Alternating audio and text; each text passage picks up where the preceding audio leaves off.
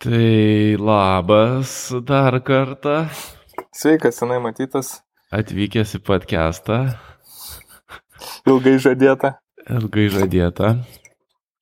Tai šiandien kalbėsime apie tavo pasiūlytą labai gerą temą. Apie patapimo programuotojų roadmapą, planą patapimą šį kartą frontendo programuotojų roadmap. Mhm. Čia tokie du dalykai yra, nu, dvi šakos išskirtos programavime, bent jau su web, kas susiję. Tai, tai, tai šį kartą kalbėsime apie frontendo. Ir, um, ir jo, mes turim čia tokį roadmapą. Jie šiaip kiekvienais metais, man atrodo, visą laiką būna šitie roadmapai. Ir čia pagrindė yra surašyti, surašytos visos technologijos, ties kuom reikėtų taip pailiu eiti, kad galiausiai patapti programuotojai.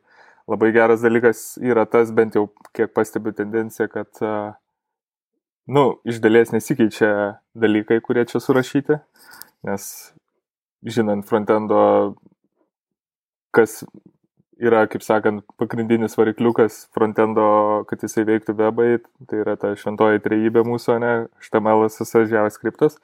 Tai kadangi jie nelabai yra pakeičiami, tai nelabai ir kas, kažkas lab, ir keičiasi apskritai e, frontendo kelyje.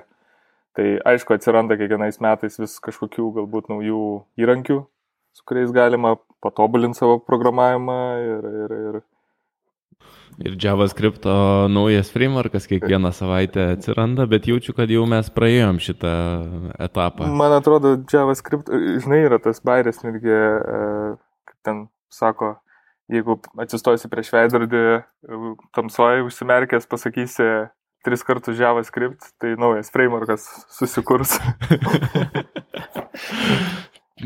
yra, yra tiesos šitam dalykė. Jo, tai su JavaScript frameworkas tai čia niekad nesibaigiantis dalykas, bet iš tikrųjų vis tiek, kad kaip bebūtų, yra tie tokie stipresni frameworkai, kurie lyderiauja rinkoje ir kuriuos mes aptarsim irgi. A, tai šiaip šitą roadmapą visą kartu, vat, besiklausantis a, klausytojai galės iš karto irgi atsidarę pasižiūrėti, pavartyti, pamatyti, apie ką mes čia kalbam. Ir e, aš manau, kad... E, Pasakyk, kaip rasti šitą, reikia eiti į roadmap.sh. Aš manau, kad tu dar ir linką įmesi vis tiek. Jo. Įmesim linką, bet iš esmės roadmap.sh uh, frontend. Taip, ir, ir čia yra jo, kasmetiniai. E, man atrodo, čia šitas roadmap.sh, tai apskritai kaip dalykas, jisai čia susikūrė kaip atskiras toksai, sakykime, kaip čia pavadinti, ne brandas, bet projektas e, ir, ir, ir jį vis tobulina, pildo, deda labai daug e, linkų į visokius tutorialus. E. Matau, YouTube dabar savo turi. Nes iš pradžių tai buvo tiesiog gripau kažkas sukūrė tokį, tipo, važiuokit, čia reik, dalykai, kuriuos reikia mokėti. Jo, jo. Tai jo, šitas paveiksliukas nupieštas tai jau ne pirmą kartą matytas, bet sakau, vis jį turbūt papildo, pa, pagerina. Uh, kažko vis naujo gal įdeda. Čia šitas būtent roadmapas, kiek žinau, yra ir matas pagal mm, notationą viršuje, kad yra nu, žmogaus toks šiek tiek personal dalykas. E, Opinionated, jo. Jo, jisai, jisai, kaip sakant, yra React developeris ir jisai tokį kelią daugiau mažiau su, su Reacto frameworku, bet čia iki jo dar daisim to dalyko. Uh, Bet jo, jisai čia tokį kelią iš savo pusės, galbūt kas yra dar labiau naudinga ir prie ko labiausiai tą dėmesį skirti, negu klaidžioti ten po didelius dalykus ir galbūt iš pat pradžių kai kas nėra net aktualu arba nu, netaip smarkiai įtakoja pradžiai pačiu, pačius websaitus. Tai, tai va. Vytau, tai žinai, ką aš noriu dar paprašyti techninį tokį dalyką. E, tu labai barškėni podeliu ir ten nežinau, kas yra įdėta šūkštelis ar kažkas. Palieku iš šono. jo, tai cool. Um, tai kaip mes čia dabar, koks yra planas? Tiesiog yra turbūt eiti per šitą roadmapą ir aptarti visus dalykus iš eilės. Jo, manau, kad eisim per roadmapą, aptarsim kiekvieną, nu, daugiau mažiau kiekvieną topiką ir šiaip aš galvoju, kadangi čia yra vis tiek gan didelis šitas dalykas ir ties kiekvienu, čia kaip žiūro, klausytojai po, po to pamatys, kad čia kiekvienas tas geltonas ir ne tik langelis turi, nu, kai kurie yra mažesni, galbūt ne tiek daug apie juos galim kalbėti, bet kai kurie yra didesni. Tai aš manau, kad netgi reikėtų čia padalinti į dvi dalis šitą visą dalyką. Tai pirma būtų iki, iki pačių tų JavaScriptinių frameworkų e, ir po to jau e, skelti, kaip sakant, kitai, kitam, kitai savaitai padaryti jau nuo jų, nes jie patys iš savęs ir, ir dalykai einantis aplinkios yra iš tikrųjų labai irgi dideli, tai manau, kad per vieną podcastą tiesiog nespėtume mes šiek tiek. Jo, iš tikrųjų pati pradžia tai tokia pretty simple, jaučiu ir galim pradėti. Tai, um, nu, papasakau apie internetą.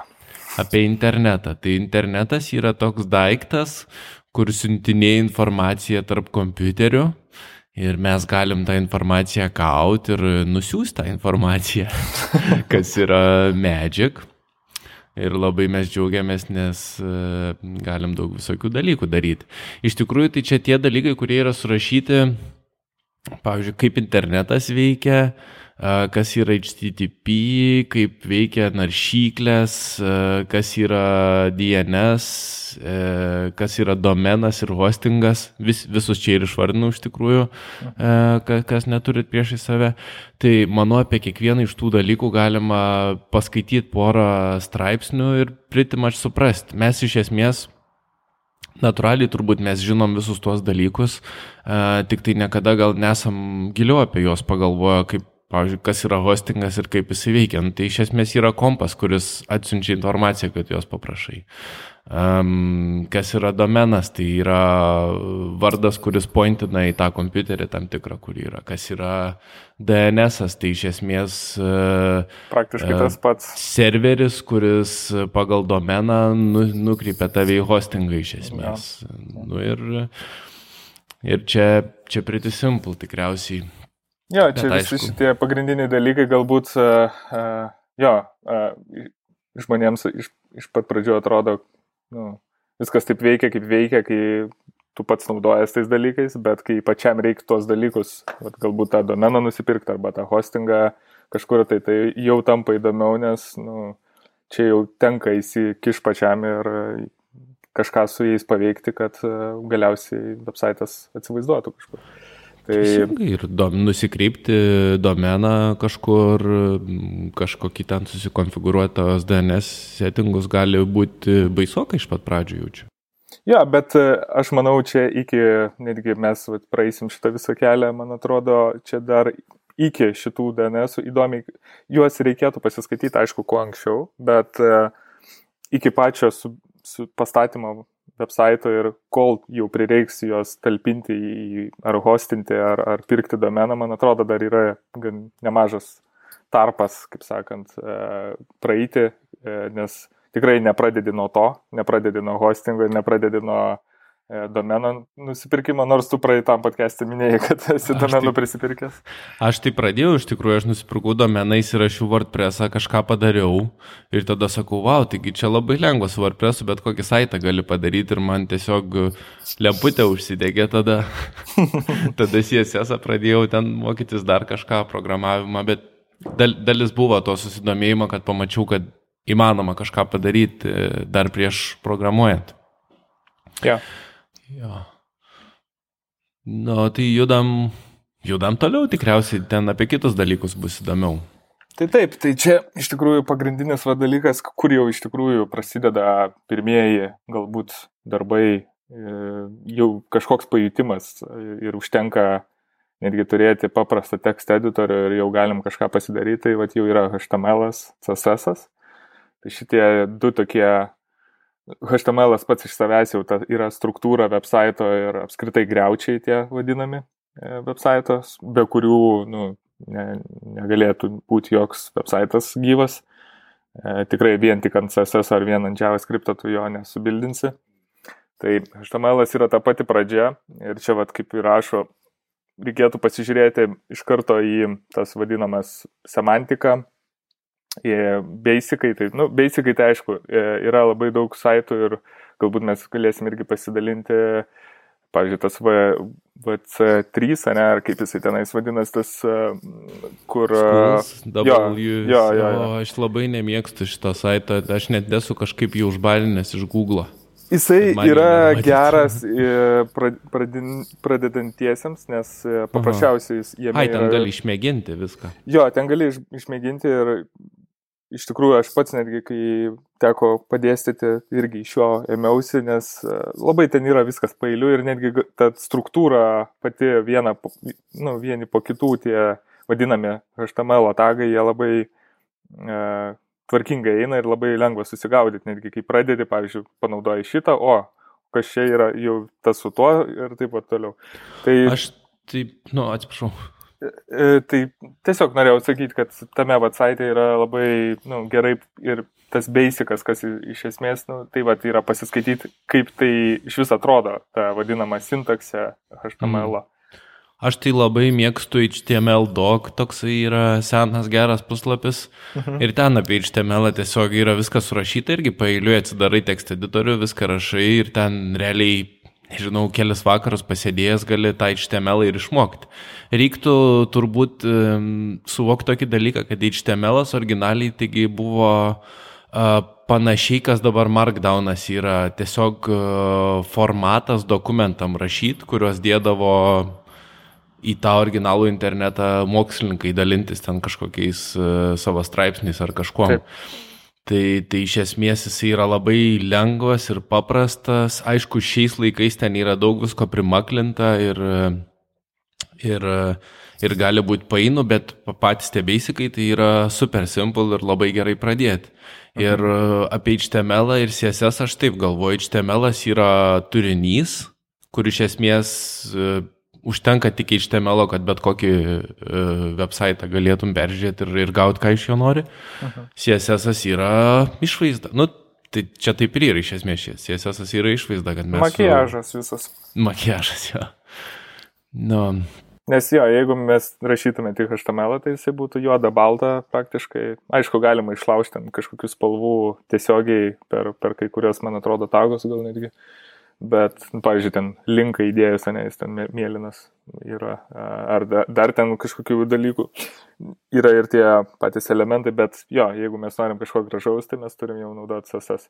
Čia vad dar iš HTML išeina tie keli e, burbuliukai, tai aišku, čia su HTML, kas yra ta vadinama semantika, tai čia tiesiog tvarkingas HTML rašymas pagal tam pritaikytus tagus, kad nebūtų viskas pernaudojama, ką iš tikrųjų dabar moderniam web developmente labai daug kas ir daro ir dažnai pradeda kentėti čia va iškart į kitą pusę pereinantis į SEO, nes a, čia labai susiję šitie du dalykai - semantika HTML ir SEO.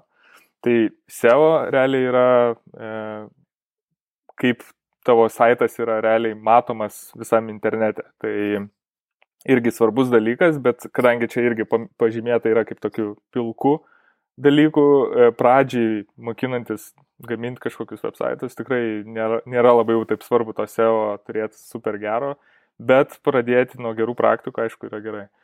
Jo, tai semantika, accessibilities ir SEO mano galvoje yra labai panašus dalykai. Iš esmės e, mes duodam, kaip čia pasakyti, robotam lengviau suprasti turinį, kurį mes turim. Tai kuo mes jį aiškiau parašysim robotam suprantamiau, tuo geriau visi tie dalykai veiks. Bent jau ta, ta pagrindinė mintis turbūt tokia yra.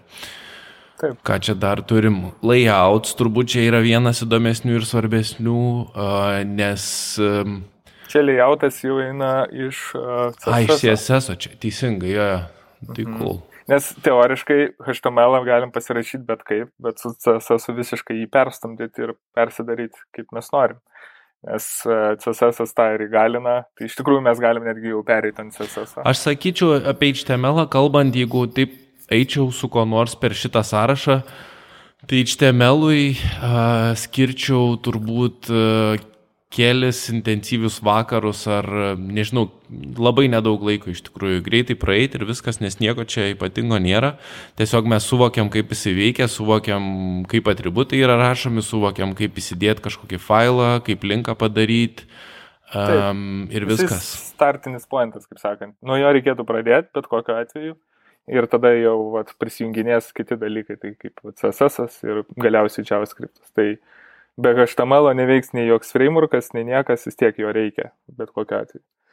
E, tai va, tai jo, jeigu perinam ant CSS, tai irgi tas pats, aišku, savaime basicai e, reikėtų persižiūrėti juos, nes iš tikrųjų CSS turi labai labai daug dalykų savyje irgi. Ir dabar palyginus jis jau yra labai modernus. Aš, pavyzdžiui, kai atėjau į, į web developmentą, tai tikrai dar nebuvo tiek išmandrėjęs. Tame tarpe, kai aš atėjau, jisai daug gavo dalykų, bet jeigu pažiūrėt dar seniau, anksčiau, dar kai nei aš, nei tu nebuvom developeriais, tai CSS iš vis buvo dar, nu, tikrai, e, sakant, labai paprastas ir neturėjo tiek galimybių, kiek dabar turi. Dabar yra tiesiog bais, baisiai, ką galima pasidaryti tie patys valėjautai, kurie čia yra rašomi, visi e, jų kiek naujų dalykų atsirado, tas pats vat, e, išeina iš lėjauto flexas, CSS gridas, ne? tai šitie dalykai yra nu, nauja darai, e, jie palyginus nes, neseniai atsirado, ypač CSS gridas. Ir, e, ir jo, e, CSS, nu, kaip mes jau ir minėjom, yra makiažas, e, grožis, tai va reikėtų pradėti nuo paprastų sukabinimų pradžiai pasirašius HTML, pabandyti kokį nors gražų, galbūt, nežinau, kvadratuką nu, nupaišyti, nuspalvinti jį arba... Ir padėti jų kur nori ar kažką padaryti. Ja, arba panašaus. padėti, jo. Ja. Ir po to labai, man atrodo, taip eina viskas palaipsniui ir, kaip sakant, pradeda įgauti prasme dalykai vieni po kitų, juos pradedant sujunginėti. Tai iš tikrųjų HTML su CSS jie viens su kitu labai puikiai žaidžia ir tikrai nėra kažkoks kita parapija, kur tu visiškai nesupranti, kaip čia dabar su šito dalyku daryti.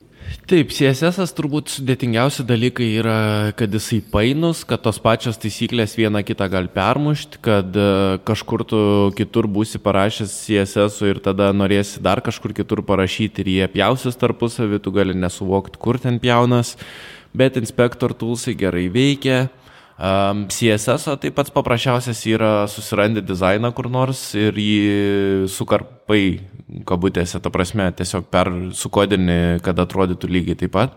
Ir viskas, ir CSS mokė, o sudėtingesnius dalykus tai Jo, o išsigūglinsi. Šiaip ir... CSS tą patį galima labai paprastai bet kokį saitą atsidarius, atsidarius pasispausti F12 arba tiesiog su right clicking su pelytė ir inspect element ir iš karto atsidaro visas tas toksai e, tie vadinami developer toolsai, su kuriais galim viską pasižiūrėti, kaip kiti žmonės aprašinėja tą CSS, pavyzdžiui, ant tos vietos, e, kaip HTML galbūt toje vietoje padarytas yra, kaip kartu juos maždaug sujungia ir kaip tai atrodo. Aišku, e, atsidarius kažkokį labai didelį saitą ir vidury ten bet kokį elementą pasiemus, gali atrodyti per daug painu ir per daug ten viskas sudėliota, bet... Um, Užtat reiktų, jeigu norit pasiinspektinti, tai turbūt ne web applicationus, ten ne kokį Facebook ar kažką, tiesiog paprastus internetinius puslapius. Ten, jo, portfolijos kokius nors um, nedidelius, jo, dar kažką. Jo, ten bus daug aiškiau. Irgi ta, Nes... tos pačius, kur, kur mokinatės, e, kur žiūrit e, apie tą patį HTML arba CSS, tos pačius saitus galima irgi pasiinspekti, yeah, yeah. kaip jie pasidarė dalykus. Tai jo. jo, cool.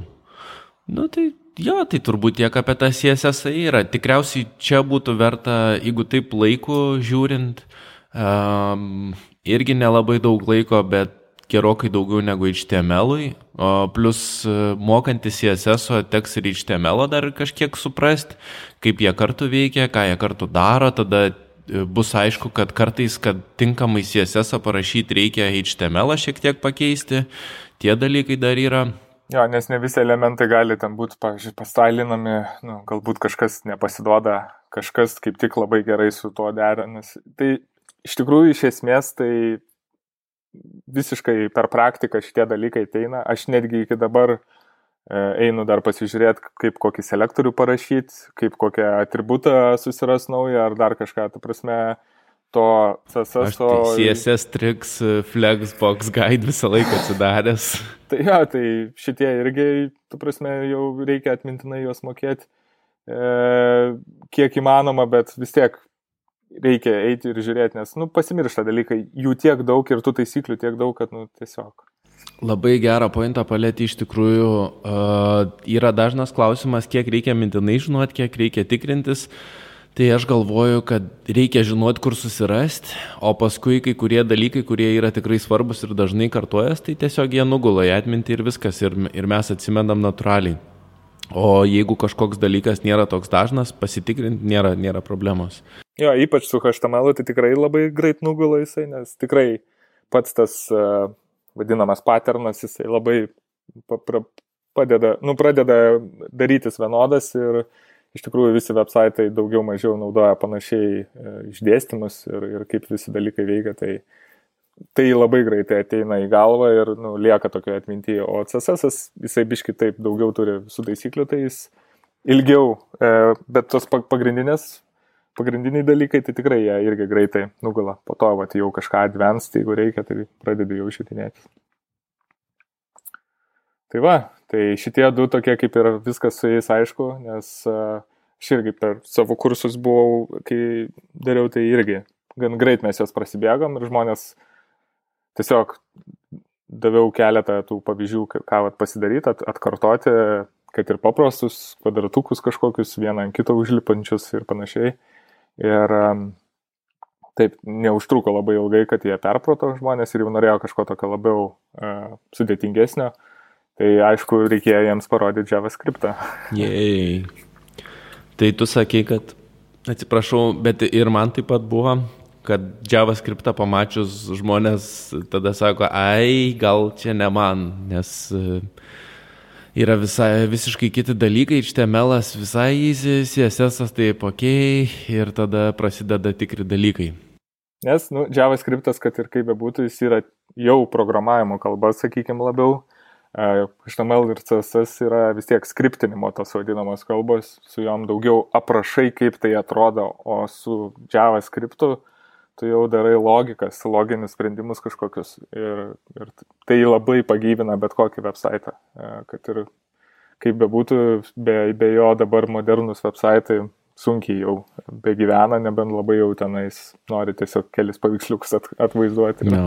Tai jo, iš tikrųjų, pats JavaScriptas jisai labai gazdina galbūt iš pradžių, bet reikėtų neišsigasti to galbūt tokio didumo jo ir pradėti nuo labai irgi paprastų dalykų, ta basic e, structure, basic e, sintaksė, jinai nėra super sudėtinga, tikrai gan skaitoma ir esu matęs tikrai kalbų baisesnių, kurios baisiau atrodo ir netgi paprasti dalykai, kur ten kažką tai išsimesti į kokią konsolę logą ar kažką yra tikrai baisiau atrodantis kodas negu vat, su JavaScript.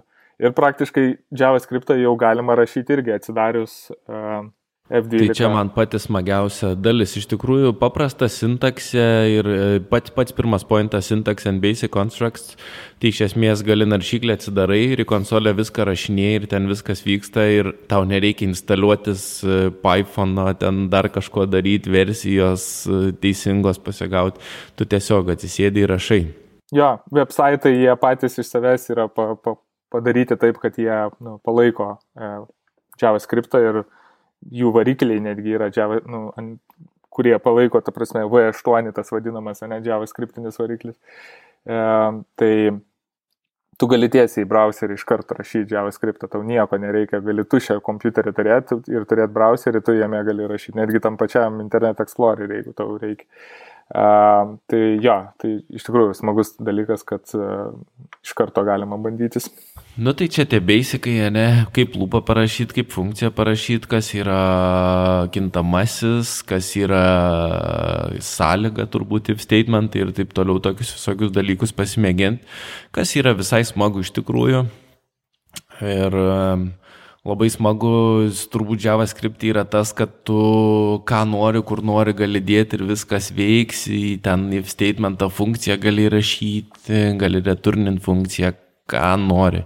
Man gal pats smagiausias dalykas buvo su JavaScript ir apskritai su programavimu jau ta tokia tikrąją kalba, kad tu pradedi rašytas tas logikas ir, ir pradeda darytis aišku, ką tu gal kažkiek mokinaisi netgi mokykloje su matematika, ta pati funkcija, ne, arba loginė kažkokia seka. Ir kai tu sudedi kažkokius dalykus vieną po kito ir jie tarpusavį suvaikšto ir ten kažką nu, išsprendžia tau ar paskaičiuoja, tai labai pradeda taip nu, kabinti, kaip sakant, liaudiškai. Nu, gal nežinau, man tai matematika gazdinantis reikalas. Man tai ne, ne, su programavimu atsirado, žinok, ir noras matematiką daugiau pasimokinti. Gal negazdinantis, bet e, šiaip mes jau esam šitą establish nu, nusprendę ir, ir žinom, kad e, programavime tokiam, va, apie kokią mes kalbam, matematikos reikia tiek, kiek penktokui turbūt, ar ten, nežinau, šeštokui, kad e, aritmetika paprastai ir, Taip. ir to užtenka. Tai gerai, tada DOM manipulation yra iš esmės, kai paspaudi mygtuką, kad jisai raudonas pasidarytų. Tai kas yra DOMas? E, do, DOMas tai yra HTML, nuskaito naršyklę ir jį paverčia a, tokiu daiktu, kurį JavaScriptas gali paimti ir kažką su juo daryti. Tai iš esmės labai galima galvoti apie DOMą kaip tą patį HTML, tik tiek, kad jis jau yra apipintas JavaScript ir visokius dalykus jam galima daryti. Turbūt paprasčiausia. Jo, su JavaScript jau galima pa, pa, pasimti kažkokius elementus, tos pačius HTML parašytus, juos ištrinti, juos pridėti, jo, pridėti kažkokį CSS jam pakeisti, ar pridėti, kas viduj to HTML yra, galbūt tekstą pasikeisti, uh, ar pailginti ir taip toliau. Tai vat, jau ta manipulacija yra grinai darbas tiesiogiai JavaScript su HTML. Tu jau pradedi e, per kitą kalbą e, manipuliuoti dar kitą kalbą, galim taip sakyti. Mm, jo, tai visą turinį gali pradėti kaitaliuoti. Ir labai gražiai šitas veikia kartu su sekančiu, su Ajaxu. E, kai mes galim neperkrūdami puslapio gauti papildomos informacijos, e, nes šiaip puslapį, kai veikia, tai mes prašome serverį, duok mums HTML ir serveris atsiunčia jau visą puslapį, visą HTML. Bet jeigu mes nenorim perkrauti puslapio, pavyzdžiui, parašėm arba kažkas parašė komentarą ir mes norim jį iškart pamatyti, tai mes sakom serverį, duok mums naujus komentarus ir tiesiog mes jį pasiemę juos, pridedam su DOM manipulationu tuos komentarus. Ir taip visokie Facebookai, Gmailai ir, ir bet kas, kur informacija vis atsinaujina, veikia tokiu principu. Jo, ir iš tikrųjų didžioji dalis, uh, uh, nu, daugelį, buvo ilgą laiką naudoti visokie uh, third party, sakykime, įrankiai uh, daryti tiems Ajaxams, populiarūs tokie kaip ten akcijos, pavyzdžiui, bet ne per seniausiai atsirado pačio, kaip sakant, native tokią, e, native API'us, tai va tas fetch. E, buvo ir prieš tai tas senesnis, e, man atrodo, tas ir yra XHR, kur iš anksčiau e, toks labai keistas. Su eventais veikiantis, jo. Jo, tenais tokia labai keista sintaksė rašydavai, tai kadangi jisai buvo labai, ne, kaip sakant, nepatogus, atsirado labai daug tų third party įrankių ir iš to vat, po to pasimatė patys turbūt e, JavaScript ir apskritai su webais tie, kurie jau įdėgė visokias naujas, e, e, naujus dalykus pačioj toj web bendruomeniai, tai sugalvojo, kad reikia vat, atnaujinti patį tą native ir be jokio third party galima dabar vat, su Fetch API um jis labai patogus, labai panaši iš tikrųjų ir sintaksė. O suportas kaip naršyklės normaliai palaiko, aš kažkaip nelabai naudoju. Jo, jis man atrodo visiškai built-in yra ir, ta prasme, dirba praktiškai mm, cool. labai gerai su viskuo. Uh, Dabar aišku pasakėjai, tai žinai, atsirastų internetas galvos. Jo, jo, jo. Bet aš manau, kad tai, kadangi yra taip native, tai a, turėtų iš tikrųjų modernus, tai tikrai visi websaitai turėtų su tai veikti, galbūt kažkokie senesni, nebent, bet čia jau nemanau, kad yra kažkokia didelė problema su to. Jo, dar galim turbūt paminėti, kas yra API, nes čia visokių daug, tas API tai labai daug, kur visi žarstos juo ir iš tikrųjų yra gerų paaiškinimų internete. Tai iš esmės tai toks būdas, kaip du skirtingi kompiuteriai arba dvi skirtingos sistemos bendrauja tarpusavį.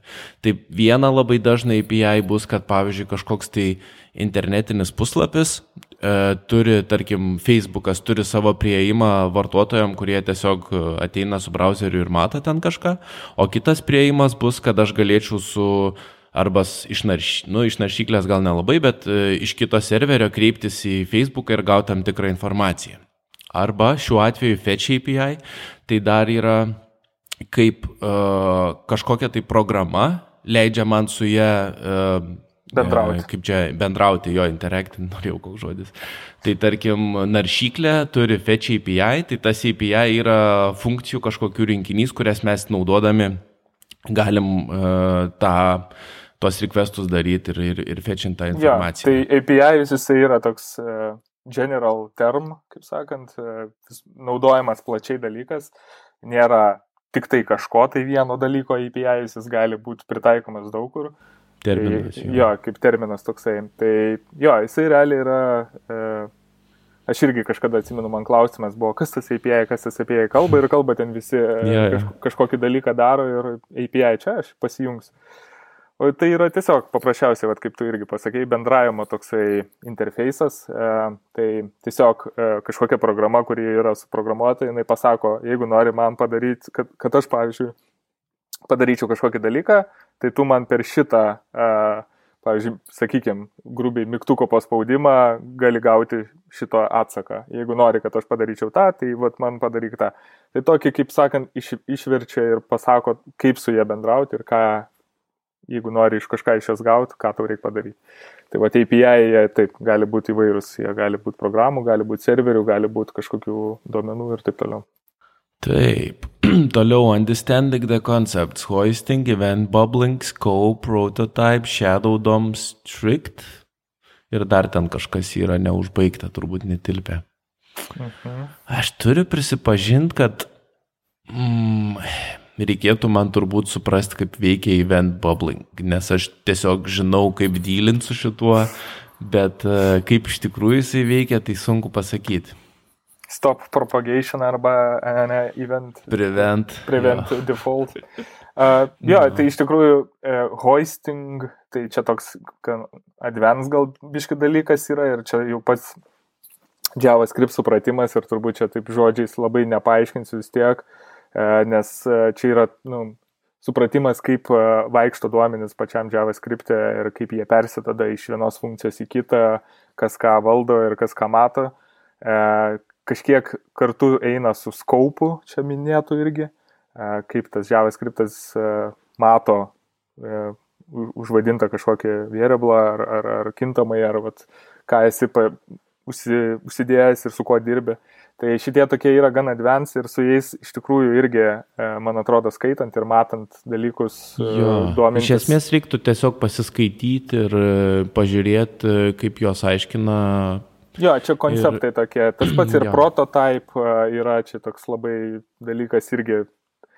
Tiesą sakant, pavyzdžiui, man nu, netenka dirbti kaip ir su tais pačiais, nu, prototype, ne, kaip dalykų, tokių, naudo tokio keywordo apskritai pas save. Nes... Nebent biblioteka kažkokią rašytum. Ar... Jo, jie dažniausiai arba būna paslėpti virš kažkur tai, arba tu tiesiog net negalvoji apie tai, kad tu dirbi su jais. Tai čia tokie gan šiek tiek advents dalykai. Tai, o tas event bubblingas, tai jisai realiai irgi e, yra kaip, galim sakyti, pareina iš vienos, e, galbūt, čia net nežinau, prie ko kabinti, ar prie, pavyzdžiui, HTML, kai eventas pareina paspaudus ant kažkokio mygtuko ir pajaučia ir tas elementas, pajaučia ir jį mhm. apjuosintis ir taip toliau. Mhm. Tai čia irgi tokie. Nu, bet iš esmės mes turbūt nepaaiškinti šitų dalykų susirinkom. Jo, čia tokie advanced nu, dalykai. Esmė, šiaip. kad jie yra susiję taip su JavaScript ir man atrodo, jie tiesiog vienas po kito vis išlys ir pasidarys aiškus, kai jau teks su jais susidurti. Jo, jo, teisingai. Tikrai pačioj pradžioje jie nebus, e, kaip sakant, in your face ir sakys, o, mokėk mane iš karto jie gal skamba baisiai, bet jie nėra tokie jau baisus ir tikrai yra pilna ir video, ir, ir, ir labai daug konteksto. Tu dar praleidai tą ES6, kas. A, ES6, jo. Um, tai iš esmės, aš dabar nežinau, bet man irgi šiaip smalsu mokantis dabar iš naujo JavaScript'o. Aš įsivaizduoju, kad tu tiesiog viską kartu mokais ir viskas nėra taip, kad tu sakai, o čia ES6, o čia yra tiesiog JavaScript'as. Tu tiesiog Man dabar tas S6 yra tiesiog JavaScriptas. Aš manau, kad tas jo S6 čia yra tiesiog kaip standartas JavaScript, ne naujausias. Ir, Naujesnė versija. Jo. jo, tai tiesiog su naujausiam ir moderniausiam dalim JavaScript, kas vat, atsiradė yra. Tai čia tas pats kaip ir apie CSS, tu nekalbėjai paprasta, iš dalies tu kalbi kaip ir apie CSS 3, kuris dabar yra ne visur nu, ja. websaitus. Tai, tai čia jau kaip standartas jau tiesiog. Ir juos užvadina čia tie, kurie leidžia, aš neatsimenu, ECMAScript ar kaip tenais išsiverčia tas. Ir tie, tas šešetukas tai iš tikrųjų yra versija kelinta. Mhm. Dar atsimenu, seniau 2.17 vadindavo ar kažkaip šitą, ne? Jo, jo, jo. Tai iš tikrųjų nau, nauji kažkokie e, pasiūlymai su kalbom ir pa, panašus dalykai, jie va ir išeina, dažniausiai būna parašyti po ES ir dar kažkoks e, e kaip jau ir metai, ten 2.20 gali būti galbūt ar kažkas tokio. Mhm. Bandom dar, šiaip įdomu paminėjai CSS 3, tai šiaip aš atsimenu, kai pradėjau mokytis, mane visą laiką confusindavo, kas tas yra HTML5. Kaip tu supranti pasakymą HTML5? Nu, šiaip iš tikrųjų iš esmės tai irgi versija, e, kelintas tas HTML, man atrodo, taip yra, nes e, irgi tų versijų buvo daug ir dalykai keitėsi, atsirado vis naujų e, tiek tagų, nes netgi besimokinant, kai kurio e, yra netgi, kai kurie palieka website, pavyzdžiui, kuris tagas jau yra vadinamas deprecated. Jisai tarkim, buvo naudojamas praeitoj versijoje ir dabar jau, pavyzdžiui, jisai geriau jo nebenaudoti arba iš vis jį šalinės. Nes seniai HTML, taigi būdavo ten kai kurie labai griežti, kai kurie ne, ten turėdavo visokių taisyklių, taisyklėlių. O iš tikrųjų tai uh, apie HTML5 tai uh, versija aišku nauja, bet aš turiu tokią hančią, tokį galvojimą, kad Aš žiūriu HTML5 kaip į tokią vos ne filosofiją naują HTML, kad e, pats web kaip internetai ir internetų dalykai atsiveria ir, ir iš tiesiog internetinių puslapių, kur kažką ateini paskaityti, tampa pilnom programom, applicationais, nes HTML5 atidarė ir JavaScriptam labai daug dalykų, po truputį mes galim prieiti prie e, device'o informacijos turimos, tarkim, toks dalykas, kaip galim e, garsus device'o valdyti, ar ten netgi pasižiūrėti, ar kiek pakrauta bat, batareika yra tavo telefono ar kompo. Video įdėti um, irgi tagai. Taip, locationai, visokie tokie dalykai ir iš esmės e, webas dabar yra, nu, tu praktiškai gali uh, bet ką radinti jame ir dar ten paskui mačiau WebAssembly irgi yra pažymėtas, tai iš esmės tu gali uh, native kompiuterio applicationus tiesiog browserį vesti. Ir aš, gal tu žinai tokį žaidimą, um, yra šaudimo uh, Hmm, keista. Nu, ta prasme, ten žaidimas yra browserį, bet jisai toksai, kur atrodo reikėtų jį parsisiųsti ir instaliuoti, bet veikia nice. E, su tankiukais gal tokiais? Ne? E, net ne su tankiukais, su žmogeliukais tokiais, pikseliuotas ten toksai, tu vaikštai, šaudai, hershotus visokius gali daryti. Nu, reikia, reikės pasižiūrėti iš tikrųjų. Šiaip jo, dabar su to, nu čia aišku, galim sakyti, šito viso listo pats paskutinis dalykas WebAssembly. Jo, jo, bet, bet tai čia tik trumpai paminim, kad HTML5, jeigu susidursit su tuo terminu, kad jisai yra toks, net nežinau, labiau filosofinis pasakymas negu kažkoks tai konkretus dalykas. Nu jo, ir aš sakau, aš apskritai irgi e, kaip standartą jau žiūriu tiesiog į tos dalykus. Net nereikėtų jos sakyti, kad aš mokinsiuos HTML5, o ne ketvirtą. E, tiesiog jau tai yra standartas ir jau praktiškai visi webai ant jų veikia. Yra, aišku, su senesniais dalykais tikrai internetas kupinas įdomybių, bet, e, bet dabartiniai standartai yra tiesiog jie defaultas jau toks HTML5, CSS3 ir va, JavaScriptas naujausias, kuris yra. Jo. Nu, tai dabar versijavimo sistemos. Nu taip, čia iš tikrųjų irgi įdomus dalykas. E, su versijavimu aš irgi palyginus vėlai susipažinau, e, praktiškai tik tada, kada jau e, rimtam darbę, nu, ta prasme, teko jau tikrai pamatyti, kas tai yra, nes versijavimas jis toks iš tikrųjų, nu, irgi advanced topikas iš dalies. Jisai yra gerai, manau, jį mokėti ir nu, su jį suprasti ir žinoti kuo anksčiau, nes uh, tokiu atveju labai bus lengva uh, pradėti kaupti jau kažkokį portfolio ir dalykus, su kuriais dirbat ir ką jūs darot tiesiai jau į tos versijavimo sistemas. Tai yra labai jų populiarių, pavyzdžiui, nu, apskritai visa ta sistema yra gitas, ne vadinamas.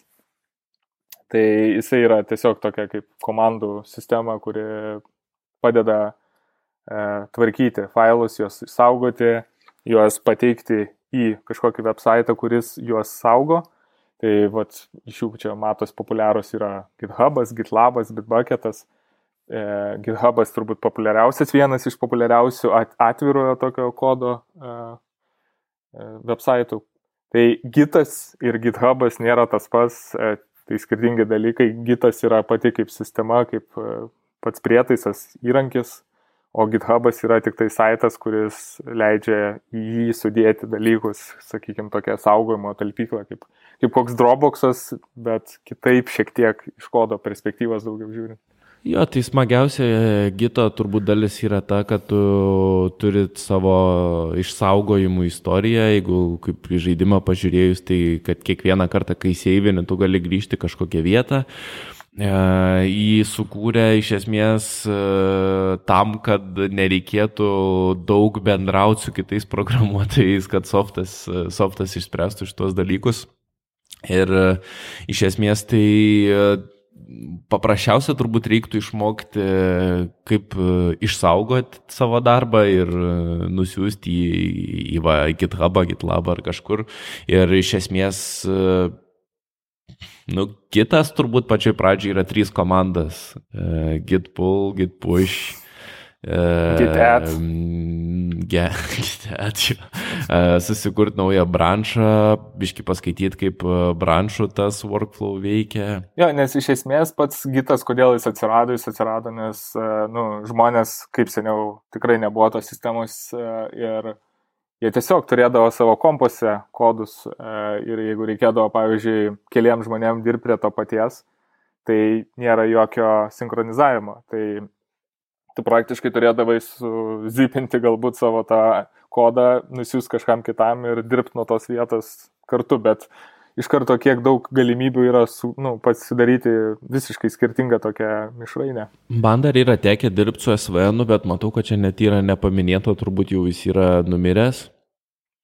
Tai ten būdavo, kad uh, realiai yra ser serveri kodas ir tu parsisinti, tu, tu pas save turi tą kodą ir kai nori ant kurio nors failo dirbti, tu jį čia kautini, bet kai tu jį čia kautini, nieks kitas nebegali to failo editinti iš esmės. Hmm. Tai čia, jeigu keli programeriai editina tą patį failą, dažniausiai sistema sako, okei, okay, viską sumerginsim, tai tavo pakeitimus ir tavo pakeitimus sudėsim kartu.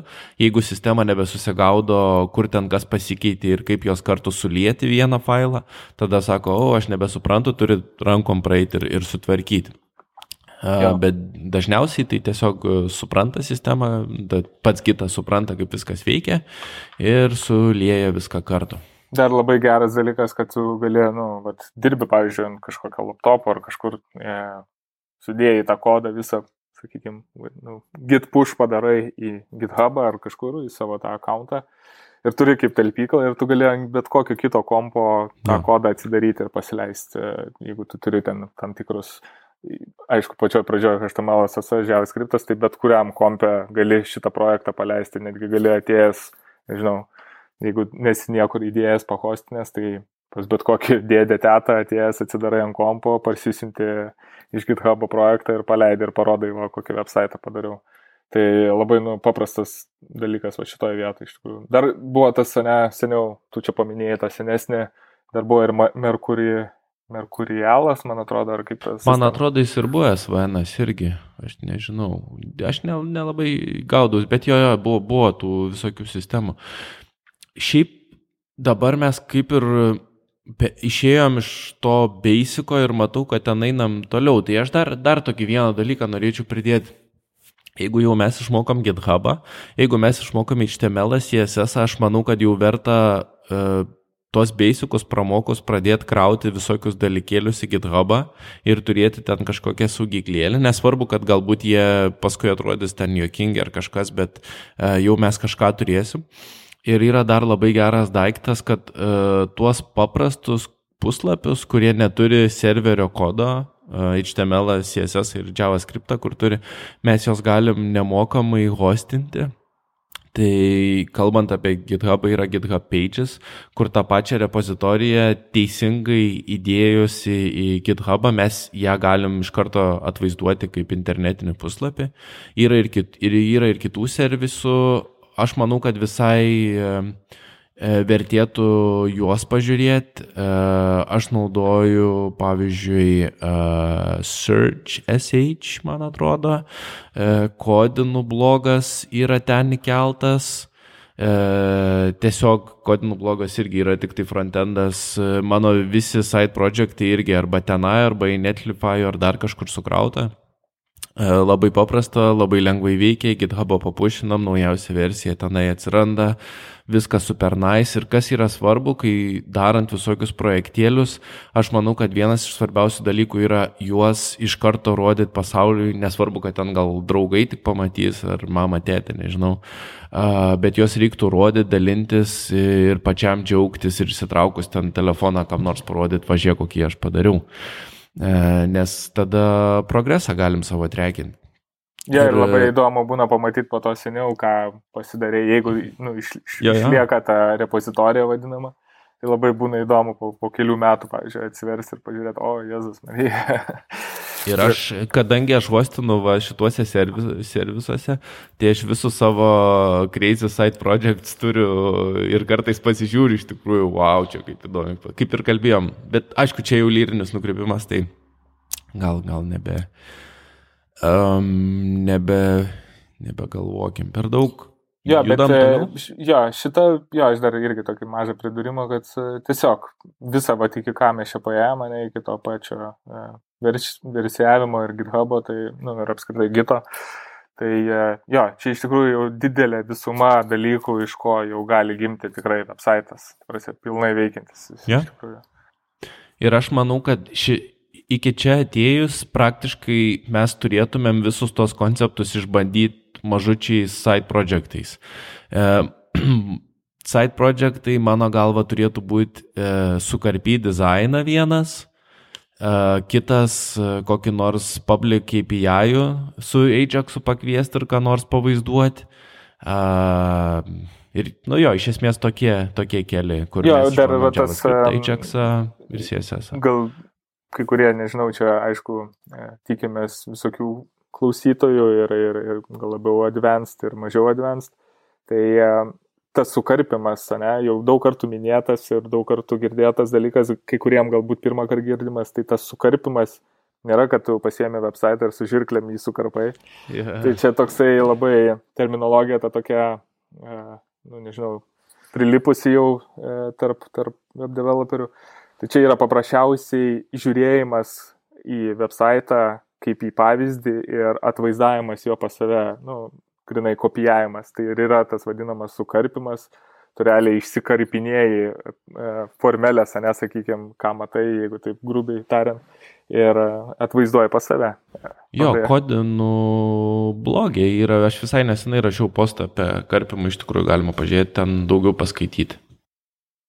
Tai nu, galėsi įdėti kaip referenciją dar vat, papildomai prie to. Aš supratau, kad reikia show nautus kažkokius rašytis kalbant. Uh...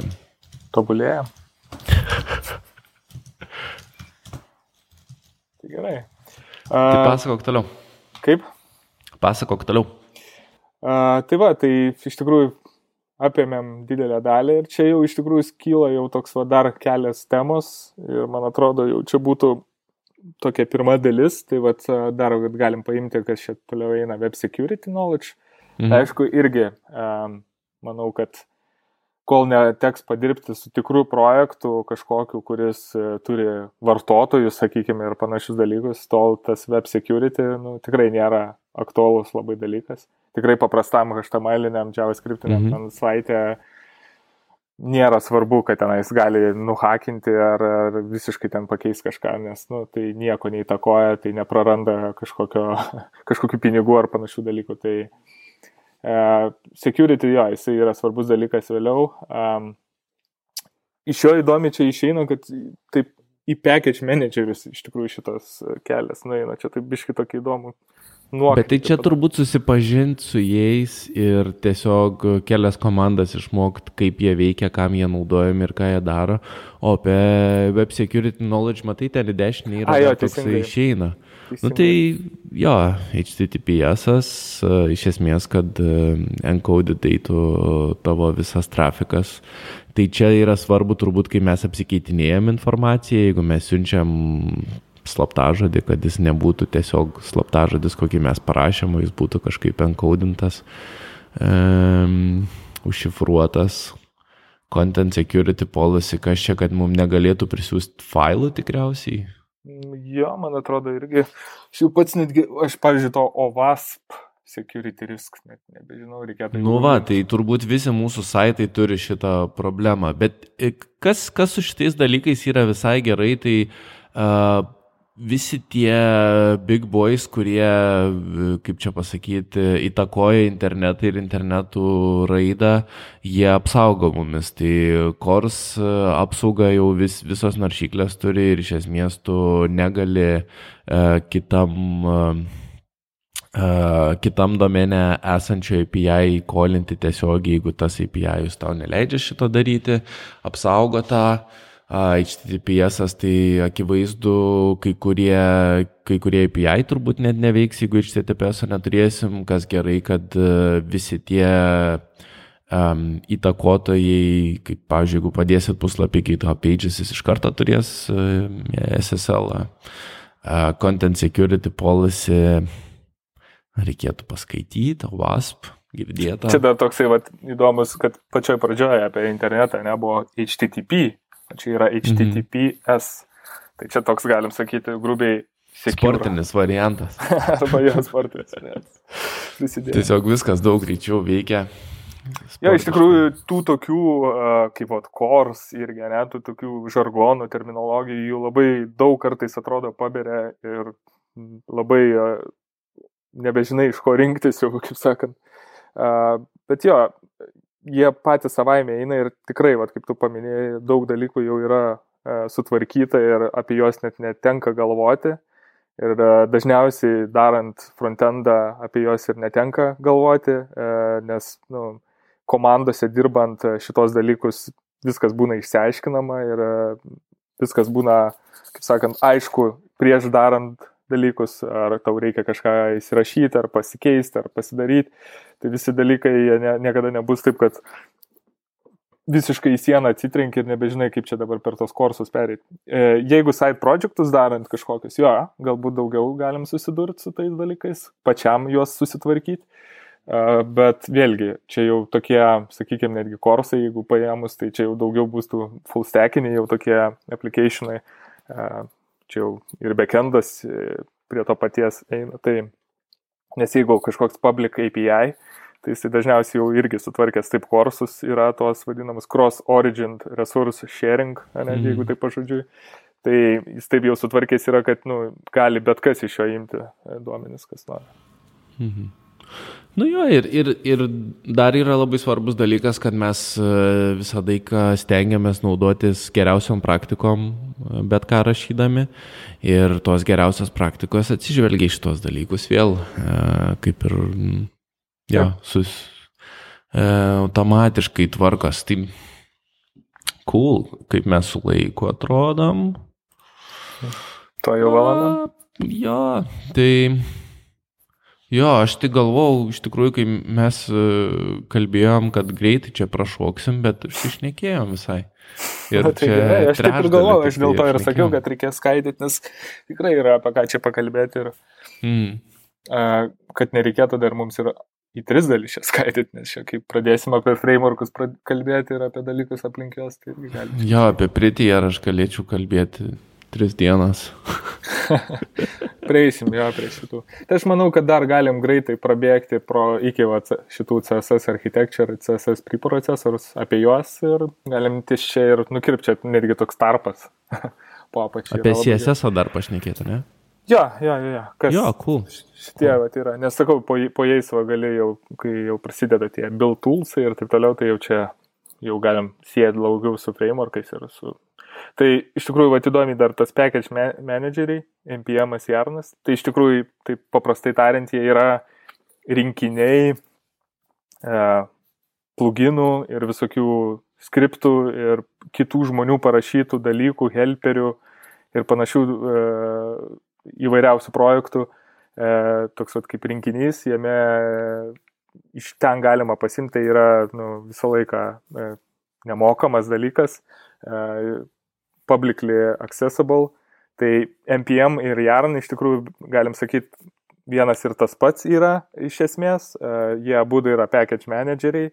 Tiesiog e, NPM yra pir, galbūt pirmasis toksai e, original dalykas, Yarn yra jau toks biškai modernesnis ir greitesnis pats package manageris, bet tas pats package dažniausiai, jeigu yra NPM, jis yra ir Yarn ir vice versa. E, nėra, kad e, kažko vienam trūksta, o kitam netrūksta. Tai, tai jo, tai čia irgi toks galbūt bus aktualesnis dalykas, įdomu, kad jis taip tokiam tarpiai yra, jis labiau bus įdomiau su frameworkais, kai, pradėsim gal kalbėti. Nes man atrodo, dar vat, iki pat e, JavaScript, to CSS architektūros ir preprocesorių, tai dar to kaip NPM ir nelabai reikia. Tai kaip tu sakei, yra, yra bibliotekos iš esmės, kurios jau yra išsprendusios dažnai pasteikančias problemas, tarkim, darbas su ten su datom, tarkim, ne, ir tau reikia su datom dirbti, e, visi skirtingai dirba, yra labai daug visokių problemų, bugų, browseris kažką neteisingai daro ir iš esmės e, normalizuoja kažkokią biblioteką, bet ta biblioteka galbūt naudoja dar kažkokią biblioteką, kuri dar kažkokį funkcionalumą prideda ir NPM ką padaro, jisai sutikrina, kad viskas turėtų teisingas versijas, kad vis, visi tos dependency vadinami, kur kitos bibliotekos neveiks be šitų bibliotekų, viską parsiunčia, sutvarko, pasižiūri, pasižiūri, kad pas tavę teisingos versijos būtų ir paskui jie neturi registro failiuką, kur davus projektą kažkam kitam parsiūs teisingas versijas ir teisingas dependency versijas ir taip toliau ir taip toliau. Tai jo, tai kiek visos programavimo kalbos turi kažkokius uh, bibliotekų valdymo įrankius, tai JavaScript yra NPM ir Jarnas. Ja, jie, jas irgi turi savo komandas, visokias ten npm install, pavyzdžiui, ir įsinstaliuot kažkokį pe, pe, pe, package vadinamą. Tai jo, Tai iš tikrųjų toks jau irgi čia iš advanced dalykų, tikrai paprastam website'ui jų nereikia šitų dalykų. E, vėliau jau kažką norint padaryti įdomesnio ir tokio labiau sudėtingo ir kai reikia išspręsti kažkokius dalykus ir galbūt pačiam nelabai sekas, tai vat, galima rasti visą laiką galbūt kažkokį package. Tai va. Jo. Um, Anksčiau daugiau būdavo, bet jaučiu, čia net neverta minėtų kitų. Tai apie CSS architektūrą ir preprocesorius, apie architektūrą galiu aš papasakoti. Aš nežinau, ar tu iš vis esi bandė naudojęs tuos dalykus. Jo, mes ir fotografiją naudojam, BEMA tą vadinamą, palauk, kaip jisai B raidė, nes žinau, kad yra, tuoj palauk, kad tiksliai tą pavadinimą siūlom.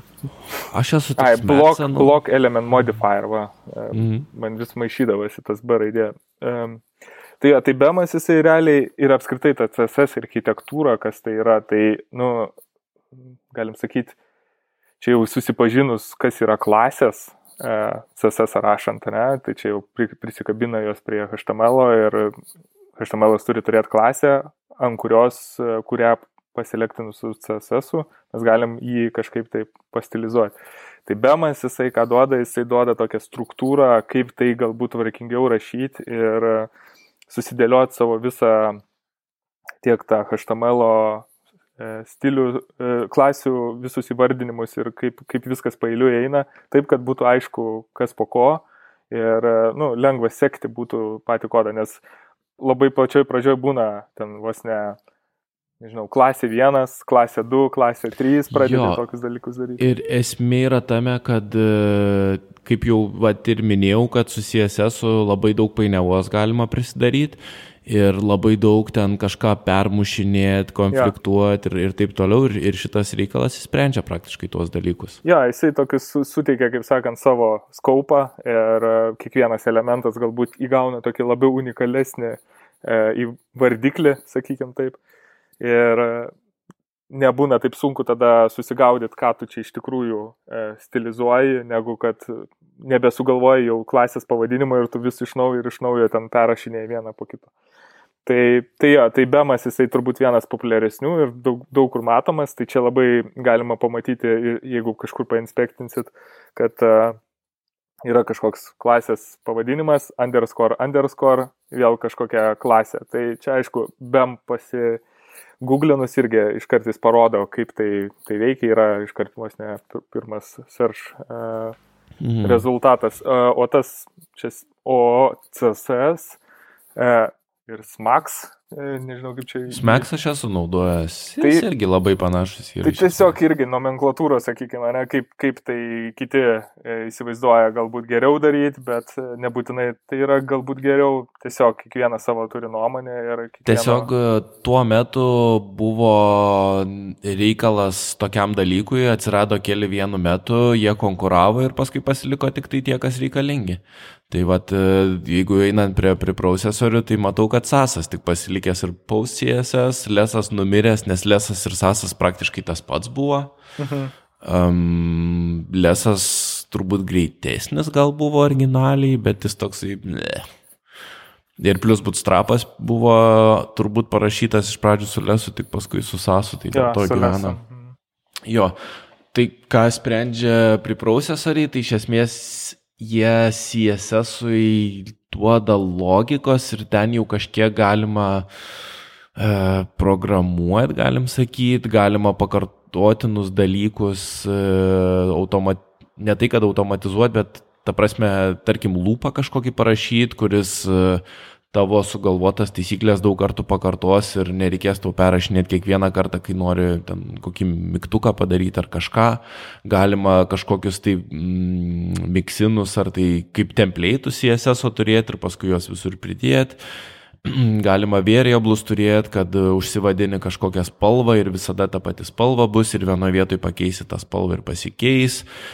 Dirbant su CSS, su frameworkais, tas labai aišku, nes tu realiai ten variable failą visą perrašęs, pasidaręs kaip tau reikia, tau to CSS labai daug nebereikia perrašinėti. Mhm. Tas yra gerai.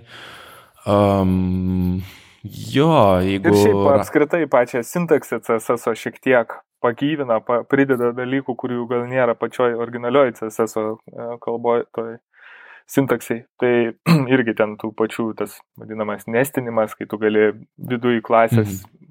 biški žemiau rašyti, kas jo viduje yra, tai vos ne praktiškai gaunas, kai ir HTML tu dedi į elementus elementus, tai ir CSS tu gali tada rašyti klasį į klases, apsirašinėti ir taip toliau. Tai papatogina ir irgi vėlgi padaro labiau Dabar iš tikrųjų jis jau tie tokie priprocesoriai ir tie tokie enhanceriai CSS jau ant tiek irgi standartas atrodo yra, kad jau tą paprastą CSS biškai kartais pasuk galvą, kaip jį pasirašyti, kaip tas klasės pasidaryti ir taip toliau, nes jo, jau esi įpratęs iš tikrųjų prie šitų dalykų ir praktiškai turbūt didžioji dalis irgi modernių websaitų ir įmonių naudoja šitos priprocesorius, ar tai SAS ar SSS. -as ar kažkas taip panašaus. Tai. Gerai, jau galim brūkšnelį užsibriežti kitam kartui, apie ką šnekėsim. tai jo, taip pat čia po, po apačią. Nu, gal dar nori ką nors pridėti, ar? Nu, pridėjimas būtų toks, kad, ai, matau, žemiau bus, ai, viskas aišku, norėjau, galvojau pasakyti apie Tailwind CSS, bet matau, kad jisai prie, jau yra prie sistemų. Tai jo, apie jį pakalbėsim tada kitam podcast'e. Ir dar iš tikrųjų nepaminėtas, žiūriu, yra jQuery'is. Bet turbūt jau jo nebemini kaip tokio dalyko, kurį reikėtų Nes jau. Su paprastu domėtis. JavaScript rašai. Jo, iš tikrųjų, JavaScriptas pats į savęs jau tiek modernus yra, kad... Um... Jo, iš tikrųjų, šiaip um, aš galiu pasakyti, kad bent aš asmeniškai pradėjau ir pirmą darbą gavau, praktiškai vat, iki kiek mes apkalbėjom, tiek ir tie išmokęs. Ir dar tuo metu nebuvo priprocesorių, tuo metu nebuvo CSS visų šitų taisyklių, JavaScript mažiau daug buvo, e, bet aš dar jQuery mokėjau. Bet aš manau, kad tais laikais JavaScriptas ir jQuery buvo kaip ir sinonimai tokie, ypač kai, kai tu browserį naudoji. Taip. Uh, tai, tai iš esmės, tarkim, šitiek išmokus mes jau galim sukurti tikrus internetinius puslapius, tik tiek, kad jie neturės būdo kaip kontentą atnaujinti ar dar kažką, bet uh, Paprasto bandyti, būdo. jo, bandyti kaž, kažką jau daryti, kas yra tikrai naudotina, naudojama ir naudinga mes jau galim, mes jau esam pakankamai pavojingi šitoj vietoj. E, šitiek mokėdami. Ir iš esmės e, dizainų karpytojų, aišku, tie darbai nėra tokie dažni, bet va tiek išmokus galima eiti ir būti dizainų karpytojų laisvai. Jo, jo. jo drąsiai, tikrai drąsiai. Taip, ir e, iš tikrųjų šitas nėra tai, taip sunku išmokti ir nėra taip ilgai. Aš įsivaizduoju, Bet ne, gal susilaikysiu nuo laiko tų visų matavimų, nes iš tikrųjų tada vėl bus, a, aš čia mėnesį pasimokysiu ir tapsiu, ar ten pusmetį pasimokysiu ir tapsiu, turbūt visiems yra individualiai šitie dalykai. A, bet jo. Ja, tai iš tikrųjų, ja, jeigu taip viskas jau, kaip sakant, summarizint, tai iš tikrųjų einant iki šitų šitos vietos, iki kur mes dėjom, tai e, galbūt labiausiai gali išgazdinti JavaScriptas toks kaip dalykas pačioje mm. pradžioje, nes jis iš tikrųjų, nu, jis turi daug, daug galios ir to pačiu jis ir atrodo labai baisus ir pavojingas, kaip sakant. Um, tai nereikėtų jo įsigasti ir labiau gilintis į tai kaip į tokį, nu, smagų įrankį, e, su kuriuo galim labai daug smagių dalykų padaryti. Tai labai tas va toksai dalykas yra, kad e, išmokus HTML, CSS, o čia aš jau ten moku web, webus daryti ir tada mhm. atsiranda pirmi, pirmos eilutės JavaScript ir pasidaro baisu, supranti, kas yra programavimas ir, ai, tiek to ir pra, kažkur užkrenta šitie projektai. Tai nereikėtų įsigasti, iš tikrųjų gali būti pabuksavimas ir nemažas pradžioj, bet po to pra, jį pramušus tai labai, labai fainai pasidaro. Jo, kad aš įsivaizduoju ir tą patį GitHubą pasisetapinti ir pirmą kartą papušinti ant ką nors, e, baisu tiesiog į tą terminalą nueiti ir pasižiūrėti, kas ten daros. Bet kaip jau prieitą epizodą minėjau, su visais atidarytais portais kompo, jeigu turėsi, gal irgi nieko tokio. Svarbu tiesiog bandyti žiūrėti ir, ir, ir pasidaryti šitą dalyką. Ja, ir, ir galų galiausiai tikrai e, apie šitos visus dalykus, ką dabar palėtėm, yra be, be, begalės e, visokių tutorialų ir, ir, mm. ir visokiom kalbom, jeigu reikia. Netgi. Iš tikrųjų, tai labai platus dalykas ir nu, tiesiog tai standartas, tai visi yra padarę nuo A iki Z, e, kaip pasidaryti dalykus. Tai va. Cool. Tai atsisveikinimo žodis turbūt, ar kaip čia? tai labai paprastas atsisveikinimo žodis būtų, kad e, laukit sekančio podcast'o, kur pratesim šitą roadmapą ir e, paimsim jau iš tikrųjų tokius dar įdomesnius dalykus mhm. ir galbūt dalykus, su kuriais mes jau dabar pastaruoju metu plačiai labai dirbam ir tenka daugiausiai su to susidurti. Tai va jau tie JavaScript ir frameworkai ir, ir viskas, kas aplink juos eina. Tai, tai va, manau, kad bus įdomus sekantis irgi labai e, podcastas mūsų ir, ir, Jo, ir labai smagu, kas pakomentavot ir paklausėt klausimų ir parašėt kažką. Uh, gali būti ir tikriausiai bus, kad uh, apie čia ką pasakojom, kad e, bus visokių klausimų ir komentarų, tai būtinai rašykit. Atsiprašau ir labai gerai dabar, jeigu kažką paklausit, ką mes jau kalbėjom, nes mes į temą toliau kalbėsim apie tą patį ir galėsim pridėti, iš tikrųjų grįžti prie kažko, gal kas neaišku, ar ko ne, nepalėtėm, ar, ja. ar pamiršom, ar e, kažką pasikalbėjom, kaip tik mes tarpusavį supratom, bet ne kas klauso. No. Ja, iš tikrųjų klausimai labai ir smagu, ir mums patiems, ir, ir tiesiog patiems įdomu galbūt ir atsiminti, ir pa, pa, pa, nu, tos dalykus priminti ir pa, patys savo vienas kitam ir, ir žmonėm jas pasakyti, kaip tai yra ir su kuo tai valgoma, nes jo, kartais atrodo gal netgi ir kvailas klausimas, bet tikrai nereikia bijoti ir, ir juos klausti, nes tiek man, tiek tau mums buvo tokių klausimų begalės ir klausinėjom ir, ir vat, gavos kas gavos, esame dabar developeriai. Gerai, ačiū tau Vytautai. Ačiū tau. Jo. Kartą. Tai. Iki.